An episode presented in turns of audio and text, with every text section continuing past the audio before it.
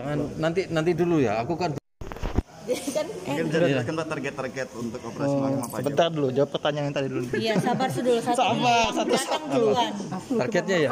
Untuk targetnya untuk eh, operasi zebra tahun ini yaitu ada delapan prioritas ya untuk yang menimbulkan laka yaitu tidak gunakan helm yang pertama. Untuk yang kedua berkendara lawan arus itu yang paling paling membahayakan kan melawan arus yang sering terjadi di lapangan kan laka itu yang melawan arus ini paling sering kita dapati.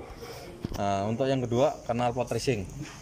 Selama ini yang mengganggu masyarakat di jalan nggak konsentrasi itu kenal pot kenal pot racing itu eh, sangat mengganggu menggang- mengganggu di masyarakat karena ibu-ibu kadang itu kan dalam kenapa tracing yang enggak enggak itu kan kadang kaget. apa itu kan harus kita tertibkan nanti itu eh, itu yang paling utama. Hmm. terus safety belt untuk kendaraan R2 R4 atau roda 4 mobil itu yang tidak menggunakan safety belt kita akan tertibkan ya.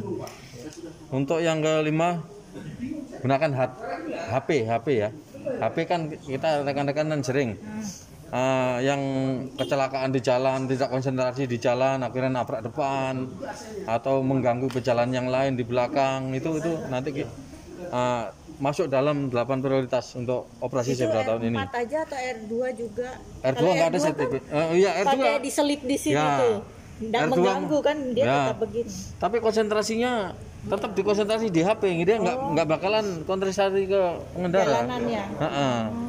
untuk untuk HP R2 sama R4 ya. Karena sangat rawan sekali untuk laka untuk batas kecepatan ya. Batas kecepatan untuk di wilayah Kutim ini kan dalam kota kan 40 ya 40 km per jam. Di atas itu kecepatan itu wajib kita eh, tertibkan ya harus kita inilah ini betul-betul dilaksanakan untuk ini ya. Karena untuk kecepatan di Kutim ini kan kendaraan kan sepi. Kalau sepi itu kan orang itu kan kadang kadang kan laju ya. Karena nggak ada orang tiba-tiba orang nyebrang kan nggak sempat ngerem itu. Terus melawan arus jalan tadi sudah ya. Melawan arus itu ya lawan arus lah yang istilahnya jalan yang saya istilahnya untuk di pendidikan atau di jalan Yosuf Tarso itu kan melawan arus kan tidak boleh. ya karena rawan sekali untuk laka yang terakhir oper dimensi. Oper dimensi atau oper kelebihan muatan. Eh oper dimensi itu maksudnya truk muatan barang ditambah. Ya kan ditambah kepanjangannya supaya muatnya banyak ya. Udah muatnya banyak biar banyak ditambah lah itu. Tapi sekarang udah kita ada ada ada undang-undangnya memang udah ya untuk oper dimensi. Karena oper dimensi itu rawan laka itu masuk pidana. Karena kalau ndak muat kadang ini mundur ya kan? Udah nyampe atas karena kelebihan muatan mundur.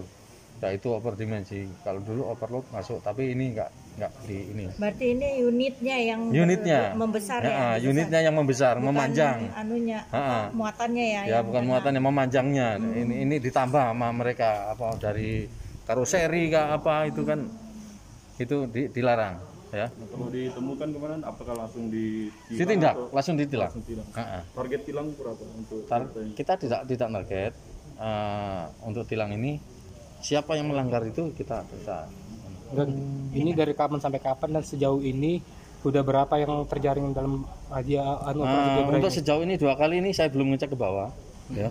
Ini kan masih kegiatan rangkaian sertijab ini. Nanti saya cek. Ini ya, jangan dimasukkan ya.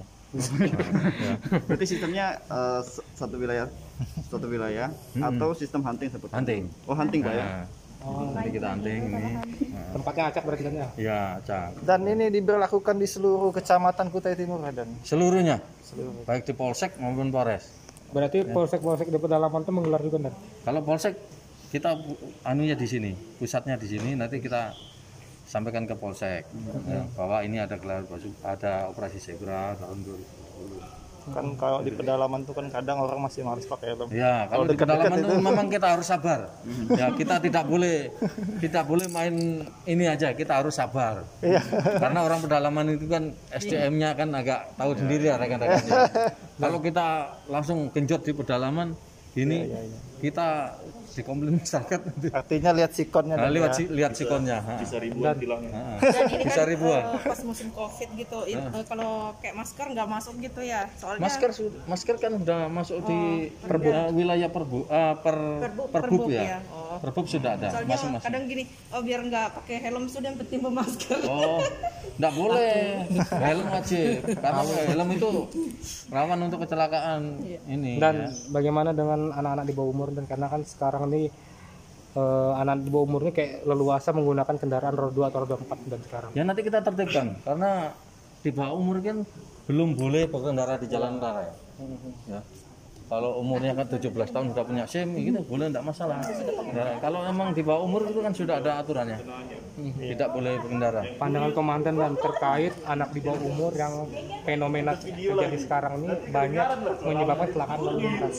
Ah iya, ya itulah karena anak di bawah umur ini kan istilahnya ah, belum labil ya, masih masih labil ya, masih labil untuk oh dilarang orang tuanya aja tidak ini harus harus diantar orang tuanya kalau memang mau ke mana itu ya tanggung jawab orang tua itu kita depankan sama kita kita rangkul. Berarti nanti sanksi tegas dan ya mau itu anak di bawah umur dan ya. Oh, untuk bawah umur terus kita tertibkan. Dan kalau khusus di wilayah Sangatta, mungkin ada wilayah mana yang jadi sorotan? Ini kan mengingat kadang waktu di atas jam 11 malam atau 12 malam itu kan kadang ada itu yang suka Balap-balapan. trek-trekan apa segala macam. Mungkin ada nggak yang wilayah yang jadi sorotan khusus? Nah, kalau kita di Sangatta lama, tapi sekarang sudah nggak ada. Kita pam di sana dari mulai jam 8 malam sampai pagi. Kita tempatkan anggota yang tempatnya itu, yang tempatnya. Tapi kan anak-anak muda sekarang di situ pindah lagi ke sana. Ya kita ini di sana lagi dibagi berapa? Ada tiga regu kita. Nah, kalau emang sini bubar pindah sana ya sana sudah ada lagi. Kalau di Munte itu simpang Munte itu Simpang Munte, Munte itu di di simpang Yosudarso 3. Oh ya, itu Pengalaman kayaknya. Iya, saya kan dekat situ Itu kan rumah. itu. Itu kan di PAM. Kalau memang ada laporan kita kita kan Iya. uh, patroli ya. Iya. Kalau udah nggak ada patroli mereka main lagi tuh. Iya, iya, iya. Ditinggal sebentar aja udah main lagi. Ya itulah. kucing-kucingan Kucing-kucingan. Pernah ketemu dan salah Iya. Kalau di situ saya juga sering dapetin langsung saya panggil anggota yang patroli. Kadang kalau di kita patroli sama polisi pakaian dinas saja enggak enggak enggak ini.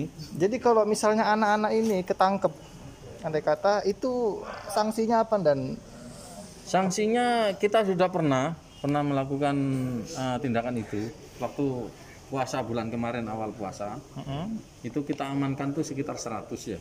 Mungkin oh ya. yang itu. itu penyamukan itu nah Nah, itu ngambilnya orang tuanya yang harus ngambil. Bikin pernyataan karena rata-rata yang balapan tuh orang di bawah umur. Itu ditilang nggak dan kalau Ditilang. ditilang juga Ditilang. habis lebaran baru dibalikin Ya. ya dan Iya, sakit sakit itu. ya? Tiga bulan kalau eh eh sebulan lebih lebih dua bulanan. iya nggak punya motor Siap dan.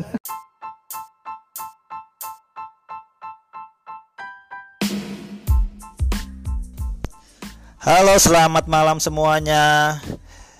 Ini adalah podcast terbaru saya. Hari ini saya Raymond Cauda akan memulai eh, frekuensi podcast saya. Eh, tidak banyak yang mungkin bisa bicara saya bicarakan ini. Namun saya akan mengupas hal-hal yang ringan-ringan saja karena ini hanya podcast pribadi yang akan membahas seputar hal-hal di Kalimantan Timur saja. Mudah-mudahan kalian berkenan untuk mengikuti dan setia terus mendengarkan podcast saya. Oke, salam sehat